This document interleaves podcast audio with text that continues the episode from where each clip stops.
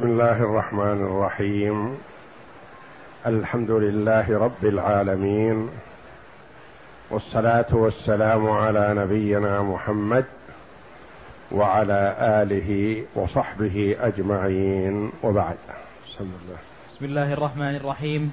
الحمد لله رب العالمين. والصلاة والسلام على أشرف الأنبياء والمرسلين نبينا محمد وعلى آله وصحبه أجمعين. قال المؤلف رحمه الله تعالى فصل. وما تعلقت به مصلحة العامر كحريم البئر وفناء الطريق ومسير الماء لا يملك بالإحياء. نعم. لا يملك بالإحياء ولا يجوز لغير مالك العامر إحياؤه لأنه تابع للعامر مملوك لصاحبه ولأن, ولأن تجويز إحيائه إبطال للملك في العامر على أهله. قول المؤلف رحمه الله تعالى فصل وما تعلقت به مصلحة العامر هذا في إحياء الموات والموات هو الأرض غير المملوكة منها ما يسوغ إحياؤه وتملكه. لقوله صلى الله عليه وسلم من أحيا أرضا ميتة فهي له ومنها ما لا يسوغ إحياؤه حتى لو لم يكن مملوك فتعلقت به مصلحة العامر فلا ينتفع بالعامر إلا بهذا. فقوله رحمه الله وما تعلقت به مصلحة العامر كحريم البئر. حريم يعني ما حول البئر. يأتي الرجل يحفر بئرا من أجل سحب الماء لأرضه أو لمزرعته أو لسقي المسلمين أو غير ذلك. هو يملك البئر فقط. وما حولها يسمى حريم البئر.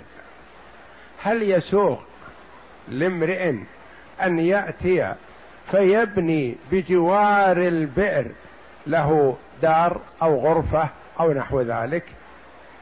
لا. لأن هذا يسمى حريم البئر. حريم البئر يعني لمصلحة البئر. فصاحب البئر محتاج إليه وإلى توسعته. وفناء الطريق مثله. الطريق طريق المسلمين مثلا سعته عشرة أمتار. يحتاج إلى أكتاف من جهة اليمين ومن جهة الشمال. هل يسوغ لامرئ أن يأتي ويعمر بجوار الطريق ملاصقا للطريق يترك الطريق عشرة أمتار مثلا ويعمر نقول لا هذا حريم الطريق. هذا فنى للطريق. ما ينتفع بالطريق إلا بهذا الفنى. مثلا من سار في هذا الطريق يحتاج أن يتيامن أو يتياسر ليقف. وسط الطريق ما يصح أن يقف فيه سيارات. فلا بد أن يكون بفناء حوله. فيأتي إنسان يبني على حد الإسفلت في الطريق في البرية مثلا لا يقال هذا حريم الطريق. و فناء الطريق ما يجوز أن تعمر فيه. ومسيل الماء مسيل القرية مثلا. الماء يخرج من القرية إلى مكان يجتمع فيه قريب من من القرية. هل يسوغ لإنسان أن يأتي ويعمر هذا المسيل ثم يرد ماء القرية عليها؟ فيه ضرر عليهم. يقول هذا المسيل ذا ما هو ملك لأحد. نعم نحن معك. ما هو ملك لأحد. لكنه القرية محتاجة إليه. العامل محتاج إليه. لأنك إذا عمرت هذا المسيل رفعته. فرددت الماء على من حيث جاء فضر. من نزل عليه. وإنما هذا مكان يجتمع فيه الماء فلا يسوغ عمارته. لا يملك بالإحياء. لو جاء إنسان وبنى في حفرة السيل مثلا على ما يقولون هل يسوغ أن يتملك هذه الحفرة؟ لا. جاء على حد الإسفلت في البرية وعمر يقال لا ما يصلح.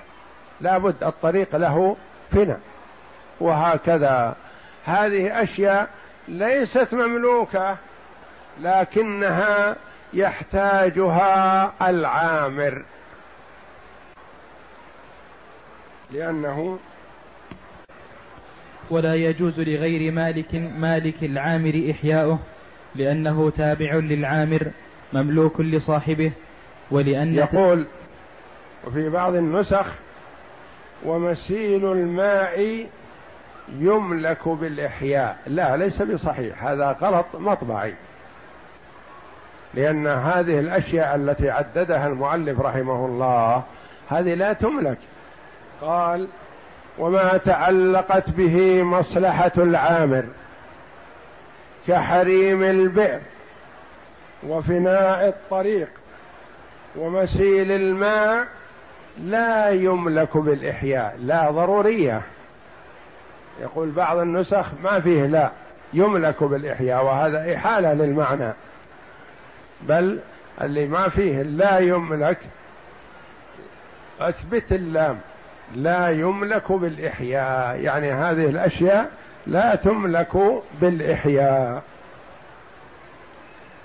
ولا يجوز لغير المالك العامر إحياؤه. يعني ما يجوز لمالك العامر إحياؤه. كذلك نفس المالك ما يجوز له أن يتملكه وإنما هذا فنى للطريق. نعم. لأنه تابع للعامر. لأنه تابع للعامر.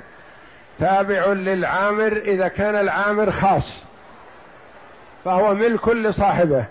إذا كان العامر عام فهو عام للمسلمين. فمثلا فناء الطريق ليس ملكا لأحد لكنه مصلحة الطريق بقاه. مسيل الماء ليس ملكا لأحد لكنه من مصلحة القرية بقاؤه بدون عمارة. حريم البئر ملك لصاحب البئر ولا يملك مسافات شاسعة وإنما هي محددة كما ستأتينا. في خمسة خمسة وعشرين ذراع وفي خمسين ذراع وفي حسب الحاجة كما سيأتي إن شاء الله.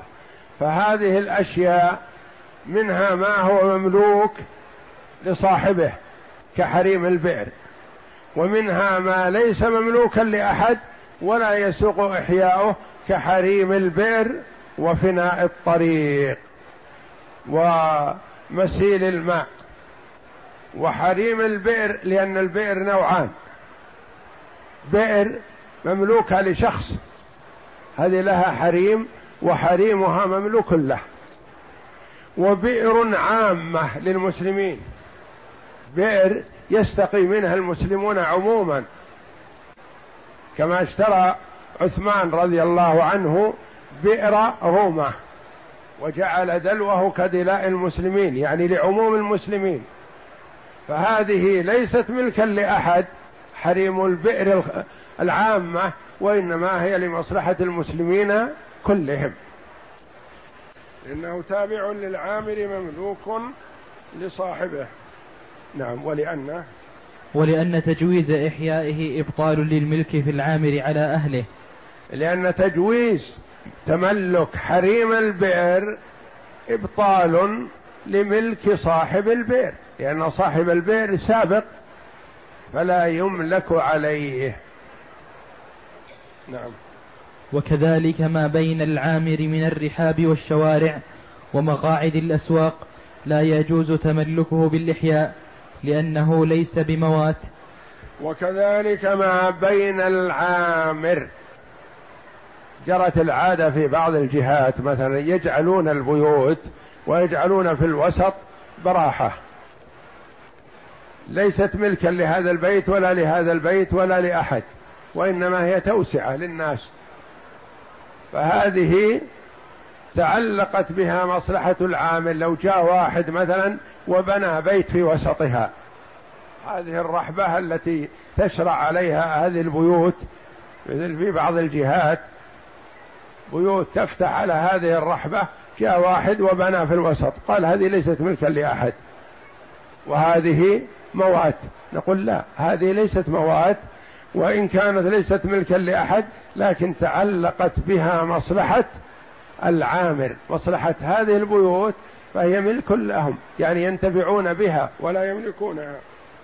ما بين العامر من الرحاب جمع رحبة والشوارع. إذا كانت بين العامر شوارع متسعة ما يجي أحد يبني في وسط الشارع يقول هذا شارع وسيع. هذا شارع خمسين متر ما يحتاج. يكفي خمسة أمتار. يكفي عشرة أمتار. وأنا أستفيد من أربعين متر. أنا سبقت إليه. يقول لا ما يسوغ هذا. لأن هذا تعلقت به مصلحة العامر وليس بموات والشوارع ومقاعد الأسواق. الأسواق. التي يبيع فيها الناس ويشترون البراحات. مثلا يأتي واحد في الليل ويأتي بالعمال ويبني في وسطها يقول هذه ليست ملكا لأحد وأنا أنتفع بها وأجعل فيها مصالح ينتفع بها الناس دكاكين وكذا. نقول لا هذه تعلقت بها مصلحة العامل والناس في حاجة إليها يعرضون فيها بضائعهم. ويبيعون فيها ويشترون وإن كانت فاضية لكن ليست من موات هذه لمصلحة الناس. ومقاعد الأسواق لا يجوز تملكه بالإحياء. نعم. لأنه ليس بموات وتجويز إحيائه تضييق على الناس في أملاكهم وطرقهم وهذا لا يجوز. نعم. هذا هو السبب. مثل المباسطة اللي يبسط بها الناس والرحبات الواسعة في الأسواق التي يعرض فيها الناس بضائعهم ونحو ذلك. هذه ما يجوز تملكها لأنها أولا لا تعتبر موات ثانيا هي تعلقت بها مصلحة الناس ثالثا فيها تضييق على الناس. تضييق على الناس إذا عمر الأماكن التي ينتفعون بها عموما. نعم. فصل. ويجوز الإحياء من كل من يملك المال للخبر. من هو الذي يجوز إحياؤه الكبير أو الصغير أو في سن محددة؟ لا. الرجل المرأة من هو الذي يجوز إحياؤه؟ هذا ما يذكره المؤلف. نعم. ويجوز. ويجوز الإحياء من كل من يملك المال للخبر. من للخبر؟ من أحيا؟ من؟ من ألفاظ العموم. أي شخص أحيا أرضا ميتة فهي له. امرأة أحيت أرض في البرية وزرعت فيها تملكها. صغير كبير صغير مثلا ابن ست سنوات طلب من أخيه من عمه من كذا أن يساعده فأحيا أرضا واسعة. فهو يملكها كذلك. صغير كبير ذكر أنثى إلا ما استثني. الذمي في بلاد المسلمين هل يملك بالإحياء أو لا؟ المسلم في بلاد الكفار التي صولحوا على أنها لهم. هل يأتيهم المسلم ويتملك عندهم؟ لا. إلا ما استثني. فالأصل العموم في أن من أحيا أرضا ميتة فهي له إلا ما استثني. نعم. ولأنه ويجوز الإحياء. ويجوز الإحياء من كل من يملك المال للخبر. نعم. ولأنه فعل يملك به. فجاز ممن يملك المال كالصيد. جاز من أي شخص. مثلا صغير اشترى مكينة وحفر بئر وأجرى الماء وزرع بالعمال وكذا ومساعدة أمه مساعدة أخيه مساعدة عمه يسوق هذا. ما يقول هذا صغير ما يتملك. ما دام أنه أحياها فهو حق للتملك. نعم. ويملك الذمي بالإحياء في دار الإسلام لذلك. ويملك الذمي الذمي الذي دخل بلاد المسلمين وأعطي الذمة ويدفع مثلا الجزية وهو مقيم في بلاد المسلمين فهو مثلهم في التملك. هذا قول. نعم. وقال ابن حامد لا يملك فيها بالإحياء لخبر طاووس. وقال ابن حامد من أئمة الحنابلة الذمي ما يصلح أن يملك في بلاد المسلمين لأن البلاد بلاد مسلمين.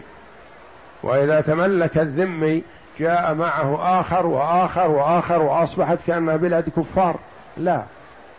الذمي ما يتملك وهذا والله أعلم أنه أولى. عدم تملكه لخبر طاووس ما هو خبر طاووس؟ السابق. ولما روى طاووس أن النبي صلى الله عليه وسلم قال عادي الأرض لله ولرسوله ثم هي لكم بعد. الشاهد ثم هي لكم يعني لكم. من أنتم؟ المسلمون. الذمي لا. وهذا أولى لأن تملك الذمي في بلاد المسلمين ما يحسن. نعم. وليس للمسلم إحياء أرض في بلد صولح الكفار على المقام فيها لأن الموات تابع للبلد فلم يجز تملكه عليهم كالعامر. وليس للمسلم إحياء أرض في بلد صولح الكفار على المقام فيها. البلاد المفتوحة أنواع. بلاد فتحت عنوة. وهذه تكون للمسلمين. وبلاد فتحت عنوة واشترط الإمام على من فيها من غير المسلمين أن يخرج. من المصالحة إنهم يخرجون من هذه البلاد. وبلاد لما علموا باتجاه المسلمين إليهم قابلوهم وقالوا حياكم الله. الحكم لكم ونحن نذعن لكن نصالحكم على أن أرضنا لنا. ما تأخذون أملاكنا؟ ونحن ندفع لكم الجزية ونبقى في بلادنا. نقول نعم. لأن الذمي وأهل الكتاب يقال لهم الإسلام فإن أبوا فيقال لهم تدفعون الجزية عن يد وأنتم صاغرون. فإن أبوا قاتلناهم. إذا أتنقوا الإسلام فهم إخواننا. لهم ما لنا وعليهم ما علينا. لا فرق بيننا وبينهم إذا أسلموا. إذا رفضوا الإسلام قالوا لا ما نسلم. لكن نذعن لكم. نقول نعم لا بأس. نقبل هذا. لأن الإسلام بحمد الله كفيل في من أنصف أن يعتنقه. لأن الإسلام دين السماحة ودين السهولة واليسر وفيه الإنصاف وفيه إعطاء كل ذي حق حقه ما يظلم أحد لا مسلم ولا نصراني ولا يهودي. فحري بمن اطلع على تعاليم الإسلام أن يسلم من نفسه. لأن تعاليم الإسلام تدعو إلى الإسلام. فيقرون على دفع الجزية ويبقون في بلادهم. رفضوا الإسلام ورفضوا الجزية نقاتلهم حينئذ. لأن ما نريد أن أحد يقف في وجه الإسلام. في ضد المسلمين لا ما يسوق. إذا مكن الله المسلمين القوة فما يقرون أحدا يقف في طريق الإسلام. يسالم وهو على دينه لا بأس. لكن يعاند الإسلام ويقف في طريقه لا. يا أيها الذين آمنوا قاتلوا الذين يلونكم من الكفار وليجدوا فيكم غلظة. وقال تعالى حتى يعطوا الجزية عن يد وهم صاغرون. فإذا اعتنقوا الإسلام فهذا هو المقصود الأساسي وهو المهم. فحينئذ يكونون لهم ما لنا وعليهم ما علينا. رفضوا الإسلام وقالوا ندفع لكم الجزية وأقرون يقرون في بلادهم. عاندوا منعوا هذا وهذا نقاتلهم. الصنف الثاني الذين قالوا مثلا ما نقبل الإسلام الآن. دعونا فترة ننظر في تعاليم الإسلام لكن نحن نذعن لكم وندفع الجزية. فصالحناهم على هذا على أنهم في بلادهم ونحن نحميهم ونأخذ منهم الجزية. هل يسوغ للمسلم أن يأتي إلى بلاد هؤلاء فيحيي منها أماكن؟ لا. لأن صالحناهم على أن بلادهم لهم. فمن صالحناهم على أن بلادهم لهم لا يسوغ لنا أن نأتي ونزاحمهم.